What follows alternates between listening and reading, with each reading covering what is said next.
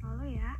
Untuk kamu yang biasa mantengin podcast Melon Branding, maupun kamu yang baru pertama kali gabung, aku ucapin selamat datang di podcast Melon Branding.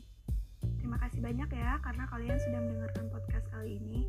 Semoga kalian suka konten yang kami sajikan dan tetap mantengin podcast kami untuk menyimak informasi yang pastinya seru dan bermanfaat. Nah, di episode kali ini aku akan membawakan tema seputar human resources yang berjudul Paket Skill Wajib Seorang Manajer Human Resources. Sebelum cus ke topik, aku mau ingetin dulu nih, jangan lupa cek dan follow akun Instagram @melonbranding untuk mendapat berbagai informasi penting dan menarik seputar pembangunan aset digitalmu ya. Oke, sekarang lanjut. Kalian pasti sering atau minimal sekilas pernah mendengar istilah human resources kan? Atau mungkin kalian tahunya sebutan HR, HRD, HRM, kepegawaian, personalia. Hampir semua sebutan itu merujuk pada maksud yang sama dengan human resources loh. Jadi, apa sebenarnya human resources itu? Sejatinya, human resources adalah sekumpulan pekerja atau karyawan dalam suatu organisasi perusahaan, bisnis industri, dan ekonomi. Akan tetapi, pengertian ini dapat dipersempit menjadi salah satu departemen dalam organisasi atau perusahaan yang khusus mengelola segala macam serba-serbi tentang kepegawaian, mulai dari perekrutan, pelatihan, hingga penjalinan hubungan jangka panjang antara karyawan dengan perusahaan. Pengertian sempit yang satu ini adalah definisi dari Human Resources Department atau HRD. Nah, lebih lanjut lagi, di dalam HRD itu ada pegawai yang bertanggung jawab penuh mengawasi dan memastikan tugas-tugas HRD yang disebutkan sebelumnya berjalan dengan baik. Dan pegawai itu biasanya disebut HRM atau manajer dari HRD. Jadi di dalam HRD ada kepegawaian HR atau para personalia serta manajer HR atau yang disebut juga HRM. Pusing ya? Singkatnya gini, daripada pusing, Inti dari segala inti dalam podcast kali ini adalah kita akan meruncing ke topik seputar paket kemahiran yang perlu dikuasai oleh seorang HRM atau manajer dari Departemen Human Resources alias ketua di bidang kepegawaian suatu perusahaan.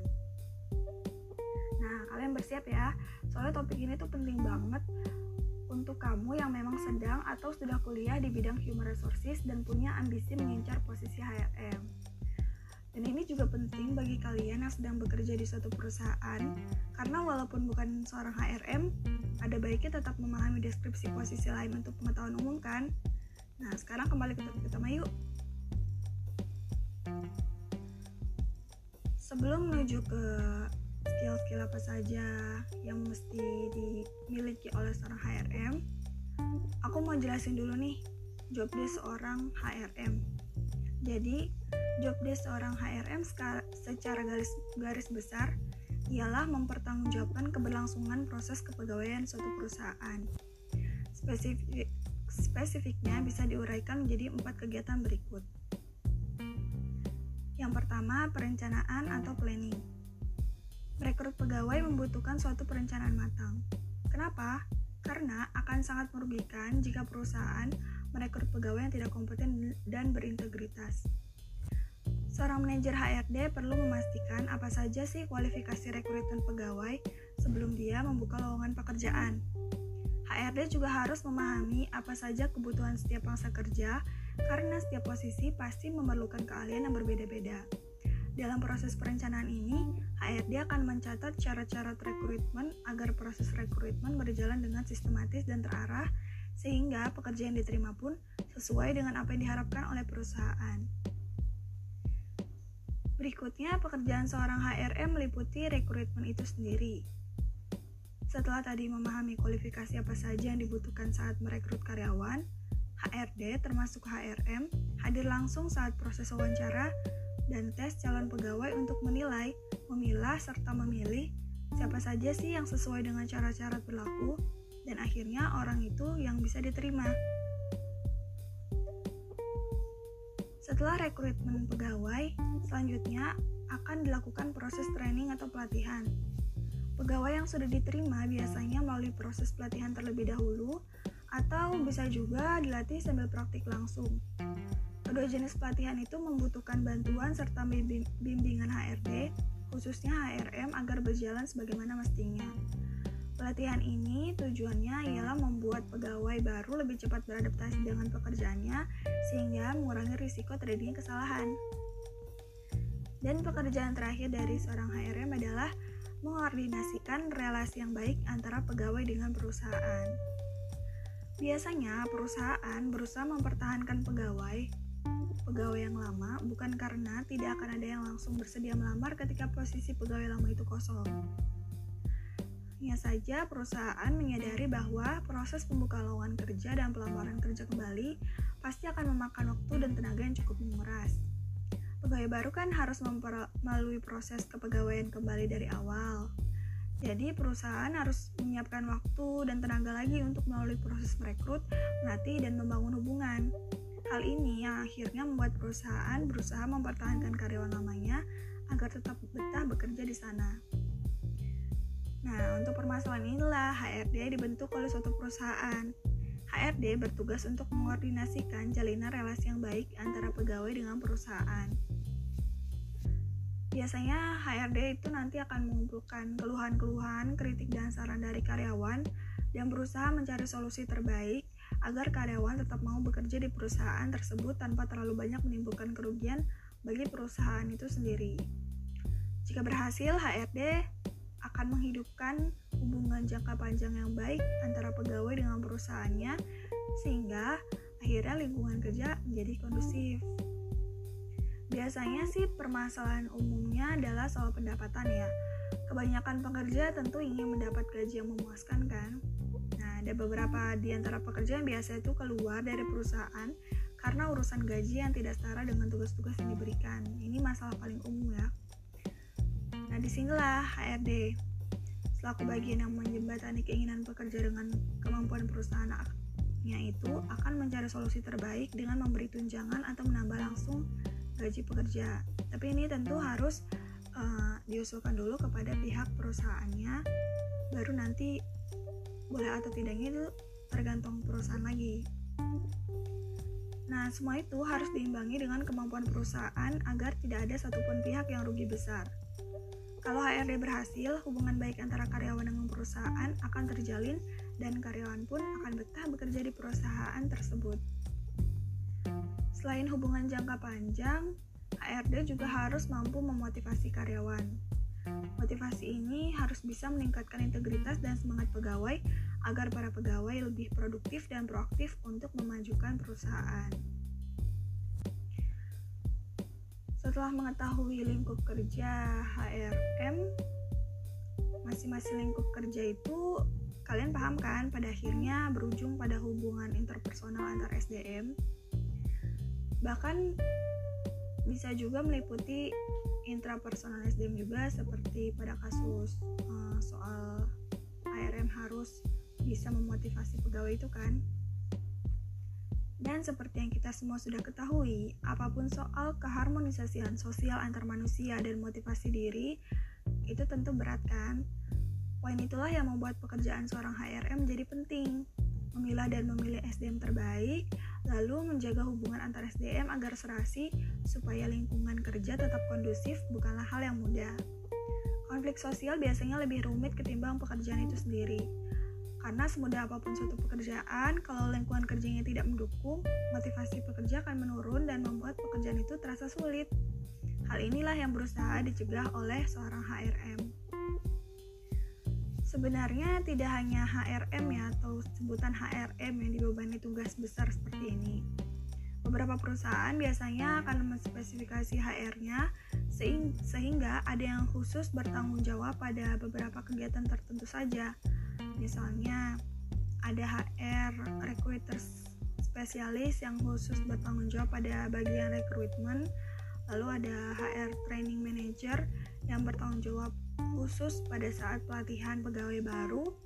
Dan bahkan ada pula yang lebih macam-macam lagi deh pokoknya klasifikasinya.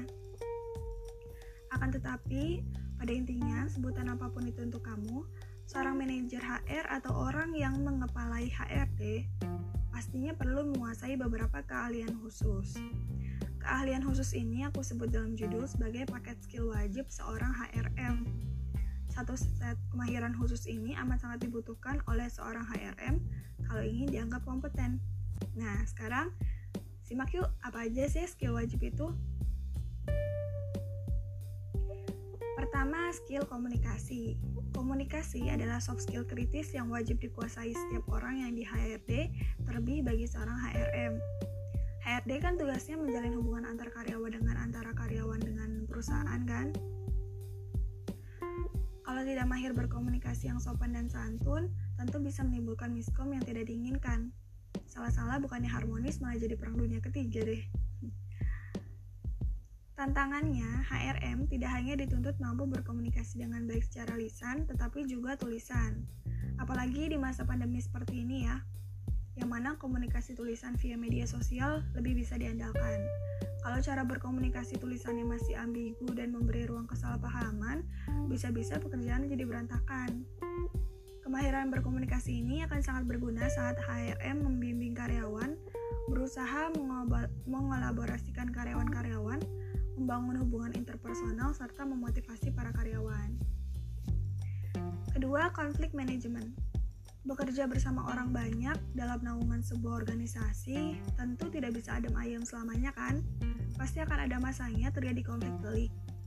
HRD kemudian hadir untuk mencari jalan keluar terbaik dan meredam masalah ini. Oleh karena itu, HRD wajib memiliki kemampuan dalam bernegosiasi dan memeditasi. HRM juga harus memahami dasar-dasar psikologi dan bisa bersabar mendengarkan kedua belah pihak yang berseteru, lalu mencari jalan tengah dengan cara yang baik, layaknya seorang psikolog. Skill yang harus dimiliki oleh seorang HRM yang ketiga adalah memahami kode etik. Memecahkan suatu permasalahan terkait urusan kepegawaian harus berkiblat pada kode etik suatu perusahaan. Kenapa? Karena dengan memahami kode etik, HRM bisa menemukan celah agar jalan keluar yang paling baik bisa didapatkan. Dan keempat, yang masih berkaitan dengan konflik manajemen ialah kemampuan berpikir kritis dan membuat keputusan. Suatu konflik mungkin bisa saja diredakan, tapi kalau ingin benar-benar diselesaikan, HRM harus mampu mencari jalan keluar terbaik agar masalah ini tidak berlarut-larut atau muncul kembali di kemudian hari. Kondisi ini menguji keterampilan HRM dalam menganalisis akar permasalahan, berpikir kritis, dan membuat keputusan. HRM tidak hanya bisa membaca permasalahan dari permukaan atau apa yang terlihat di depan mata saja. Nah, dengan berpikir kritis, HRM memahami akar permasalahan, sehingga solusi yang diberikan juga merupakan solusi untuk inti atau sumber utama dari permasalahan tersebut. Kalau sumber masalahnya diselesaikan, tentu masalah-masalah lain yang mengikutinya juga akan teredamkan. Nah, itulah tujuan utamanya. Kelima alias terakhir nih adalah kemampuan memahami struktur keorganisasian. Sesuai dengan tugas HRD, yakni sebagai perekrut pegawai suatu perusahaan, memahami struktur keorganisasian perusahaan adalah hal yang wajib. Karena sudah disampaikan sebelumnya, bahwa hal ini membantu HRM memfiltrasi calon pegawai agar mendapat pegawai yang paling cocok untuk mengisi jabatan tertentu. Ada tapi ada catatan khusus nih. Struktur ke keorganisasian harus dimengerti oleh HRM tidak hanya seputar posisi dan jabatan. HRM juga harus memahami karakterisasi lazim dari masing-masing posisi. Dengan mengetahui pola karakterisasi, HRM bisa lebih mudah membangun keserasian antar pegawai atau antara pegawai dengan perusahaan. Hal ini akan sangat membantu saat terjadi konflik di dalam perusahaan.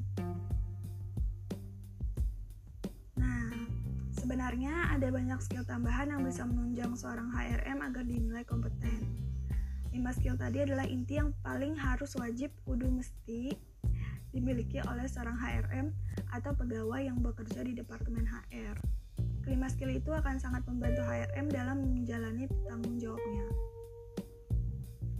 Memang tidak mudah bekerja di bidang human resources, jadi untuk kamu yang berambisi mengincar posisi di HRD, jangan berhenti untuk terus menggali potensimu ya.